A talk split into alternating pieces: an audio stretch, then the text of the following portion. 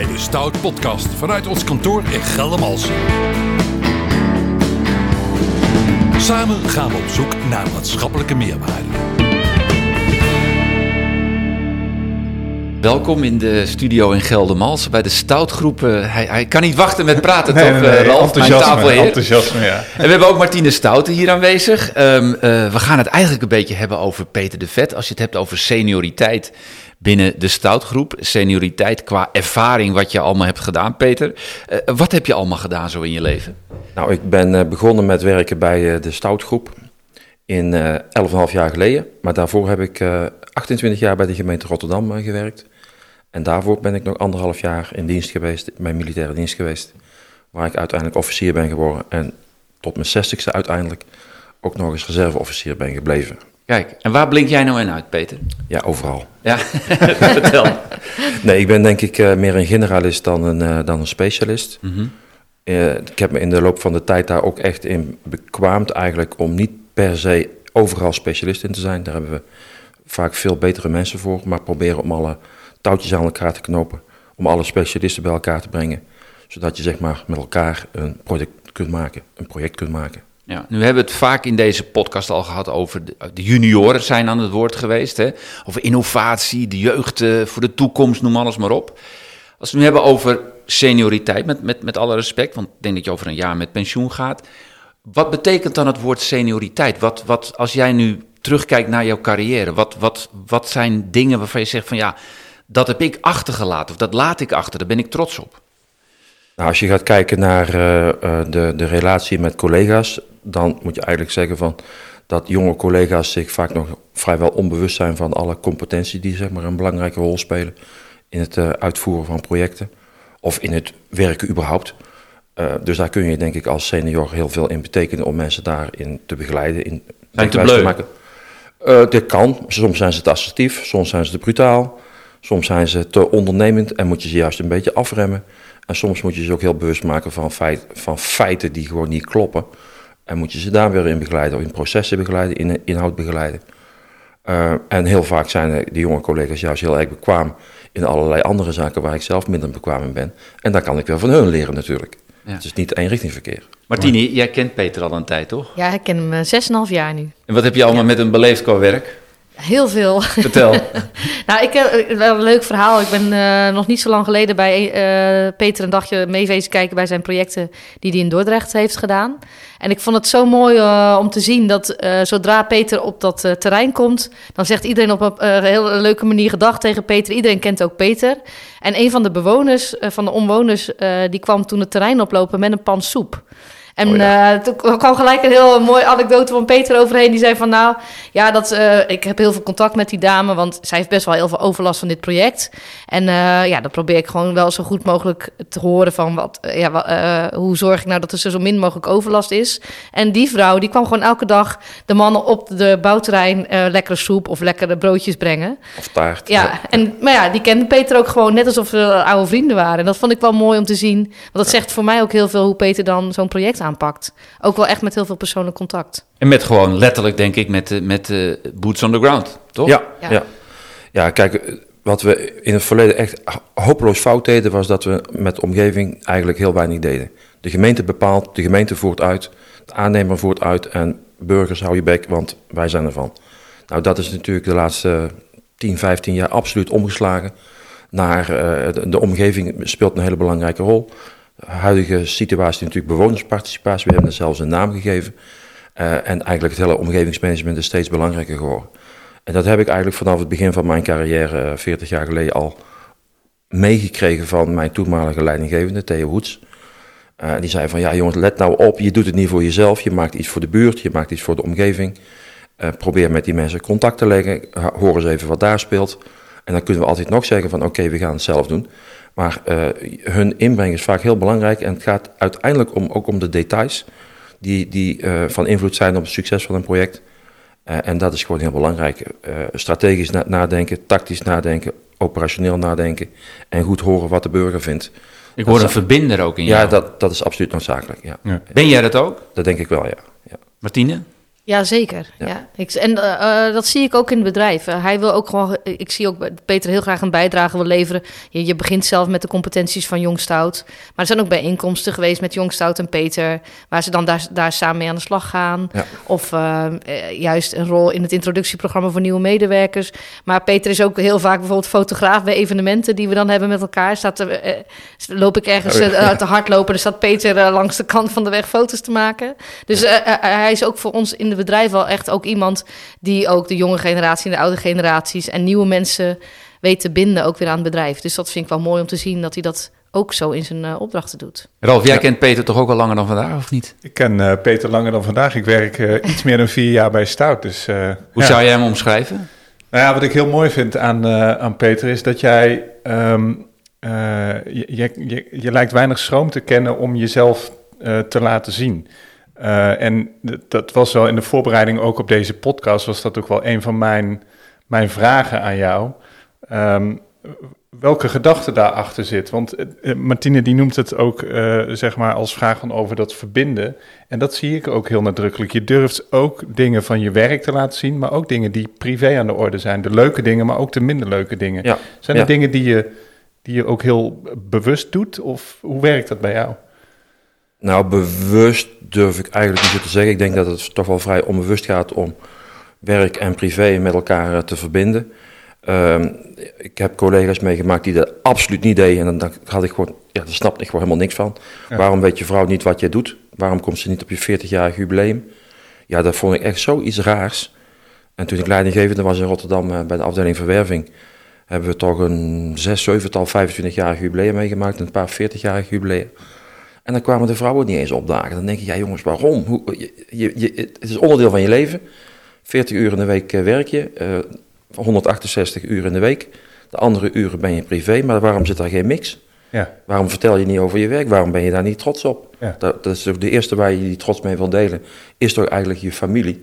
Eh, en je, daarnaast je collega's in plaats van, ik doe alleen maar mijn werk voor 40 uur in de week en ik krijg ervoor betaald en daarmee basta. Maar dat heb je als senior toch wel zien veranderen, of is het nog steeds zo? Zie je dat nog steeds om je heen? Ik denk dat dat toch nog wel steeds links en rechts gebeurt, maar wel minder dan vroeger. Ja. De oude medewerker die eh, van stratenmaker uiteindelijk opzichter werd, ja, die hebben we volgens mij niet meer. Eh, het zijn toch al over het algemeen, eh, is, de, is de, of de werkopleiding sluit meer aan bij het, bij het werk uitvoeren. Waar vroeger heel vaak het, het doorgroeien van, van jonge krullen jongen naar eh, ervaren, onervaren opzichter die eigenlijk nauwelijks over de goede competenties beschikt. Ja. Dat, dat, dat zie je niet meer. Wa- Wat ik wel mooi vind, hè, Peter, Oh, wat je, wat je vertelt, is dat eigenlijk zou je kunnen zeggen dat de omgeving eh, ehm, is veranderd, maar die is ook wat meer naar jou toegekomen. In, in, in de zin van waar jij al voorheen 10, 15 jaar geleden bedreven in was, in dat verbinden. En die competenties die worden, eh, die passen eigenlijk beter bij, bij de huidige tijd dan misschien daarvoor. Zie je dat ook zo? Ehm, ik denk dat je daar wel een punt hebt, hoewel ik wel weet gewoon van vroeger dat heel veel mensen wel geïnteresseerd zijn, maar het gewoon niet durven te zeggen. Ja. De gemeente stond op veel grotere afstand van de burger dan nu. Ja. Eh, de bevolking is natuurlijk eh, gaandeweg steeds verder ontwikkeld geraakt qua opleiding. En mondiger En geworden. veel, mondig, en veel en veel mondiger geworden. Eh, hebben overal eh, commentaar op wat je ook doet. Eh, en ja, daar moet je mee dealen. En als je dat niet doet, dan krijg je, voor, dan krijg je gewoon als gemeente steeds meer de, de zwarte piet toegeschoven. De gemeente doet het niet goed. De overheid doet het niet goed. En kijk wat er nu in, omge- in onze omgeving gebeurt. Mhm. Eh, de overheid krijgt overal de zwarte piet van toegeschoven. Ongeacht wat, het, wat ze ook doet. Dus jij ook als je aan het werk bent. Dus ik ook als ik aan het werk ben, als ik daar niet tenminste goed mee omga. Ja. Dus je bent een soort bondscoach. Nou, dat is overdreven. ik wil me ja, absoluut niet Volgens mij, vergelijken. Ja, ik, ik, eh, dat is ook wat ik van je weet. Je bent wel iemand die eh, op meerdere fronten eh, echt betrokken is. ja. Dat vertelde je net ook, hè, tot je zestigste eh ben je nog op een of andere manier aan Defensie ook verbonden geweest. Ik weet niet of Ja. ik dat zo mag noemen. Maar ook Jazeker, ja, ja. vrijwilligerswerk ben je volgens mij ook behoorlijk actief. Ja. Ehm, dus die, die verbondenheid, die, gaat, die is bij jou, je zou bijna kunnen zeggen, echt integraal in, jou, in Ja. jouw leven geworteld. Ja, als je het zo ziet, dan heb ik vanaf mijn studie gezegd, uh, moest luisteren, ik heb eh, een studie op kosten van de overheid kunnen doen. Ik wil daar zeker een gedeelte van teruggeven eh, in de vorm van betrokkenheid. Eh, voorzitter van, van diverse organisaties geweest. Eh, als reserveofficier tot mijn 60 actief. Hè, de laatste tien jaar in de veiligheidsregio. Gewoon een actieve functie. En ja, dat, dat vind ik gewoon iets wat eigenlijk iedereen min of meer zou moeten doen. De dienstplicht waar ik natuurlijk uitgekomen ben, is afgeschaft. En dat wil niet zeggen dat de betrokkenheid eh, daarmee af, ho- af hoeft eh, geschaald te worden. Dus onbezoldigd iets voor een ander doen. Ja, onbezoldigd of bezoldigd. Kan natuurlijk ook, hè, want als, als reservist ben je wel betaald. Maar ja, je moet daar wel tijd voor vrijmaken. Je moet daar ook tijd voor vrijmaken voor de opleidingen die erbij horen. Ja. De trainingen die erbij horen. En de inzet die er uiteindelijk Ja. ook bij hoort. Ja. En, en eh, hoe kijk jij dan naar een naderend pensioen? Want ik, ik kan me. eh, is dat dan iets als. eh, eh, ik, krijg, ik krijg eindelijk de rust die ik verdiend heb nadat ik zo lang eh, gewerkt heb? Of is, of Hij is dat- schudt al zijn hoofd. Nee, precies, ik zag het al. Nee, nou ja, goed, ik hoef Nee. mijn vraag niet af te maken. Nee, nee, nee, nee, daar geloof ik niks van. Nee, nee ik ben nog eh, geestelijk nog eh, gezond, als ik het eh, van mezelf mag zeggen. Lichamelijk wat minder, maar dat is een ander verhaal. Maar de betrokkenheid met, eh, met het verenigingsleven of met, eh, met de maatschappij zal zeker blijven. Ik ben lid van het 4 mei-comité in Tilburg. Ik, ben nog steeds, eh, ik spreek nog steeds het dode appel uit bij de 4 mei-viering. 4 mei-herdenking eigenlijk. Hè. Dus wat dat betreft ben ik nog, daar nog actief in. En ik zie mezelf nog niet echt in één keer stoppen. Ik heb ook bij Stout aangegeven dat ik nog wel een rol, rol wil hebben in de, projecten in Dordrecht sowieso. Ik heb dan nu ook een coachingschool gekregen in Dordrecht. Eh, dat zal misschien bij Stout ook nog eh, gebeuren. En nou, dan moeten we maar zien hoe, we, hoe, dat- hoe dat invulling gaan geven. Zo krijgen we een mooi beeld. Ik krijg een mooi beeld over, over Peter. Het grappige was, toen ik het aan het voorbereiden was, dacht ik dat jouw legacy, ik heb het woord ook opgeschreven, dat zei ik ook vooraf tegen Ja. jou, jouw legacy zou bestaan uit de gebouwen die jij hebt neergezet. Hè? De, Ja. de, de Nieuwe Klausbrug, de, de Gelderse Kade. Ehm, maar volgens mij is het belangrijk om jou te vragen, hoe zie jij jouw legacy? Zijn dat fysieke gebouwen of is dat al dat andere waar je het over Houding en gedrag, zou je ja, bijna en, en, zeggen. en 4 mei en, en noem al die dingen maar op. Hoe, hoe kijk jij zelf aan tegen jouw legacy die je achterlaat? Ehm, ik heb voor mezelf, eh, toen ik nog in de opleiding zat, een keer een gesprek gehad met een buurman. En die zei van, ik heb ooit een brug gebouwd. Daar ben ik heel trots op. En ik ben uiteindelijk directeur gemeentewerker geworden. In Schiedam, dat was jaren geleden. Oh, dat is eigenlijk wel een mooie doel om daarnaar te streven. Dus mijn eerste streven was, ik wil in ieder geval een keer een brug bouwen. Ja, Nou, die heb ik inmiddels een stuk of tien, waar ik een kleiner of belangrijkere rol in heb gespeeld. Dus die heb ik wel gemaakt. Directeur gemeentewerken ben ik nooit geworden, want ja, dat was dan net een stapje te hoog gegrepen. Maar als hoofd van de afdeling verwerving in Rotterdam had ik toch een behoorlijke functie in het leidinggeven. Het verwerven van allerlei onroerend goed. Maar ja, dat werd uiteindelijk vrijwel altijd weer gesloopt. Dus ja, wat bouw je dan? Dan bouw je eigenlijk geen donder. Je bent alleen maar aan het slopen. Dus toen heb ik toch maar weer de keuze gemaakt. Ik ga toch weer aan projecten werken die daadwerkelijk iets achterlaten. Mhm. Eh, en dat zijn toch de dingen die, waar ik uiteindelijk het meest trots op ben. dus het zit hem dus niet in die, in die fysieke werken, heet het dan in vakjargon geloof ik? Of, Ja. Of, ja. Eh, Maar, maar neem me wel even mee, want dat, dat, dat integreert me dan. Na zo'n gevoel als zo'n brug, die wordt, dan, hè, die wordt dan neergehezen en dan is die klaar. En dan komt het Koninklijk Huis, geloof ik, Beatrix ook geweest toch? Ja. Eh, heb je dan iets van, nou, hè, hè, nu een weekend vrij, hier ga ik eens van genieten? Of wat, wat, wat doet dat met jou? Ja, d- eigenlijk wat je zegt. Je hebt in eerste instantie ben je natuurlijk volop bezig met het bouwen van die brug. En laat helder zijn dat ik dat niet alleen doe. Hè. Dat was een heel Nee, dat team begrijp mensen, ik, dat aannemer, noem maar op. Ehm, als ambtenaar ben je dan uiteindelijk wel weer verantwoording aan richting de opdrachtgever. De opdrachtgever is weer aan het bestuur, even aan de gemeenteraad. Er zit uiteindelijk een heel, hele trits nog achter die uiteindelijk eh, zich ook de bouwer van de brug vindt. En aan de onderkant precies hetzelfde. Dus je doet het nooit alleen. Om dat, even vooropgesteld. Eh, daarnaast is natuurlijk, als dan zo'n brug klaar is en je bent daar daadwerkelijk de opdrachtgever van geweest, welke rol heb je dan in zo'n heel proces gehad? En hoe heb je daarin geacteerd? Ja, dat zijn toch wel de dingen waar je toch met enige trots op kunt terugkijken. ja. En als dat je dan staat, ja, dan is zo'n foto, als je er zelf op staat met die brug op de achtergrond, En met Beatrix toch en ook? met Beatrix erbij, Ja. dat is dan toch wel heel erg leuk. ja, dan ga je een beetje mooi. van glimmen ook. Mooi, hè? Daar Ja. ga je dan van, eh daar ga je toch wel in, ja, dan komt de trots toch echt wel weer tevoorschijn. Ja. Ja. Ja. En is die, die, die legacy, die, die trots, is die anders als je als werknemer van de stoutgroep daar staat? Of je hebt ook een hele carrière voordat je bij de stoutgroep begon. Wat, wat kun jij het beschrijven als je het hebt over achterlaten senioriteit? wa- Wat het verschil daarin is voor jou? Of zit er geen verschil? Ik denk dat er weinig verschil is. Mhm. Ik Maak ik het romantisch? Dat weet ik niet. Eh, romantisch, nee, ik zou dat niet willen romantiseren eigenlijk. Kijk, je doet je werk naar beste eer. en, eh, eh, naar beste eer. Mhm. Je wil er iets van maken en je wil je inzetten voor het werk waar je, waar je voor staat. Daar krijg je uiteindelijk voor betaald. Heel simpel, als je niet betaalt, dan stop ik ook mijn werk. Dat is helemaal ook weer, ook, ook simpel. Dus in die zin sta ik wel zakelijk in de wereld. Tegelijkertijd kun je kun je, je werk doen op een manier eh, dat je er kantjes van afloopt. Een 6 min, je gaat voor een 6 min of je gaat voor een 8 of voor een 9. Nou, 10 is uitmuntend, dat ga je natuurlijk niet halen. Maar een 8 of een 9 wil ik wel voor gaan. En dat heb ik eigenlijk mijn hele carrière wel gedaan, denk ik. Ik vind het mooi. Ik, mij, krijgt het gevoel van... eh, eh, om je heen, zie je dat om je heen eh, minder worden? Die, die, die toewijding, dat, dat echt geven in je werk, die acht willen halen? Ehm, de kunst van een goede projectleider is om die mensen die met een 6 min beginnen, om die naar een 8 te krijgen. Ah, oké. De coaching. Dus daar komt de coachingsrol, daar komt het enthousiasmeren tevoorschijn om mensen zeg maar, zover te krijgen dat ze doen wat ze moeten doen. En hoe doe je dat dan? Ja, hoe ja dat gaan we zelf eigenlijk bijna. Nee, maar probeer eens... Ja, dat, dat, dat, Ja. dat, zie ik ook wel voor me. Misschien Tom? moeten we de vraag van Ja, buitenaf dan kunnen we ook wel aan, aan Ja, Martine vragen Ja. van hoe hij dat dan doet. Nou, dat, dat, Peter. dat, dat raakt volgens mij ook al een beetje aan wat eh, Ralf net zei. Dat eh, als je zelf natuurlijk echt uitdraagt, ik ga voor die 8 of die 9 en de trots dat je aan zo'n project mag werken, dat straalt echt af op andere mensen. Ja. Dat, dat zie ik ook gewoon als ik met jou over zo'n bouwterrein loop. Dat iedereen denkt van, ik ga mijn best doen voor Peter om zo'n mooi eh, project neer te zetten. Je ziet dat het meer is dan alleen een verhaal. Je ziet dat het Ja. doorleefd wordt als zo'n buurtbewoner dan aankomt. Ja, Ja. En die kent Peter, dan, dan snap je ook Ja. hoe hij zijn werk doet. Zeg Ja, want maar. dat, dat, daarom vond ik dat zo mooi om te zien. Want dat, ja. je kan daar eh, een uur over praten met elkaar. Maar zo'n voorbeeld dat zo'n bewoonster met zo'n pan soep aankomt... terwijl die echt heel veel overlast heeft van zo'n project. Ja, denk ja, dat zegt alles over Ja. hoe je dat doet. En dat is dan dus niet alleen met zo'n omwonende... maar ook met de mensen waar je aan het project werkt.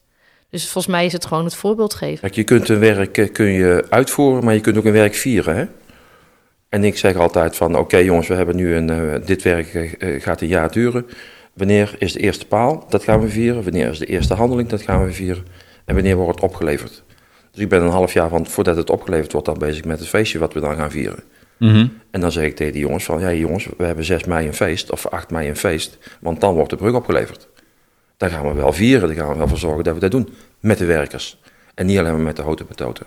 Ja, Dat hebben we bij de, bij de Prins Clausbrug ook gedaan. ja. Als het aan de politiek had gelegen, had de hele tent volgestaan met politici.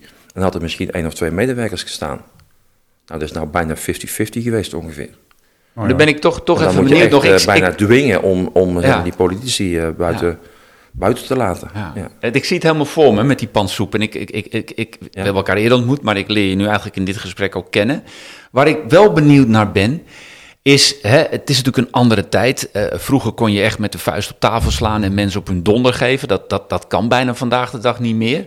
Weet ik niet, misschien kan het wel. Neem me mee, Peter. Hoe, hoe, hoe doe jij die coaching? Wat, wat voor taal gebruik je? Wat voor, wat voor middelen gebruik je? Hoe, hoe doe je dat? Nou, middelen heb je sowieso heel weinig, behalve je stem en, Mhm. en het uitdragen van, eh, van je eigen competenties natuurlijk. Ehm, je moet van kleur kunnen verschieten. Hoe bedoel je dat? Als het nodig is, dan ben je rood. Dan Ja. ben je leidinggevende. Ja. Zo gaat het gebeuren. En als het anders kan, doen we het anders. Dan laten we de, de blauwe mensen, of de groene mensen, of de oranje mensen, of wat voor kleur ze ook hebben, laat je aan het woord als zij beter hun ding kunnen doen. Ieder in hun waarde laten, ervoor zorgen dat het team functioneert. En het team van alleen rode leidinggevende functioneert echt niet. Dat moet een gemengd team zijn. De, de luis in de pels is net zo belangrijk als de pels, als de- het dier wat eronder zit. Ja. Want die luis zorgt ervoor dat je alert bent op de signalen die hij afgeeft. Hè, De hele voorzichtige te- teamspeler, die steeds maar met bezwaren komt, ja, die moet je corrigeren door te zeggen: hey, ik wil wel horen waar, wat, waar het aan zit, maar ik wil ook wel oplossingen van jou horen. Ik wil niet horen hoe het niet kan, ik wil horen hoe het wel kan. Mhm. ja, ik vind het ontzettend leuk. Daar want- moet je mensen in coachen. En als je dan een project begint, dan, dan, dan heb je met werkers te maken. Heb jij dan iets van, eh, zo, dan gaan we, voel jij intuïtief al aan van daar heb ik de, de, de, de, de, de rode en daar heb ik de blauwe. En daar ben je daar met jou, jouw ervaring, kun je dat snel inschatten? Ja, dat heb je vrij, vrij snel door. Ja. En eigenlijk de, de teams waar je in terechtkomt zijn over het algemeen ook wel van tevoren gekozen. Want mensen, de leidinggevenden stellen mensen ter beschikking. En als het natuurlijk uit de pan te, te gek wordt dat iemand echt niet functioneert in het team, dan, ja, dan zet ik er hem ook uit. Ja, Dan, kun je, dan ben ik wel de rode projectleider die zegt, jij, jij niet, dan doe je maar niet mee. Als je het niet kunt voegen naar het team. Ja. Gelukkig nog niet zo vaak voorgekomen, maar uh, gebeurt wel. Ja. Ja.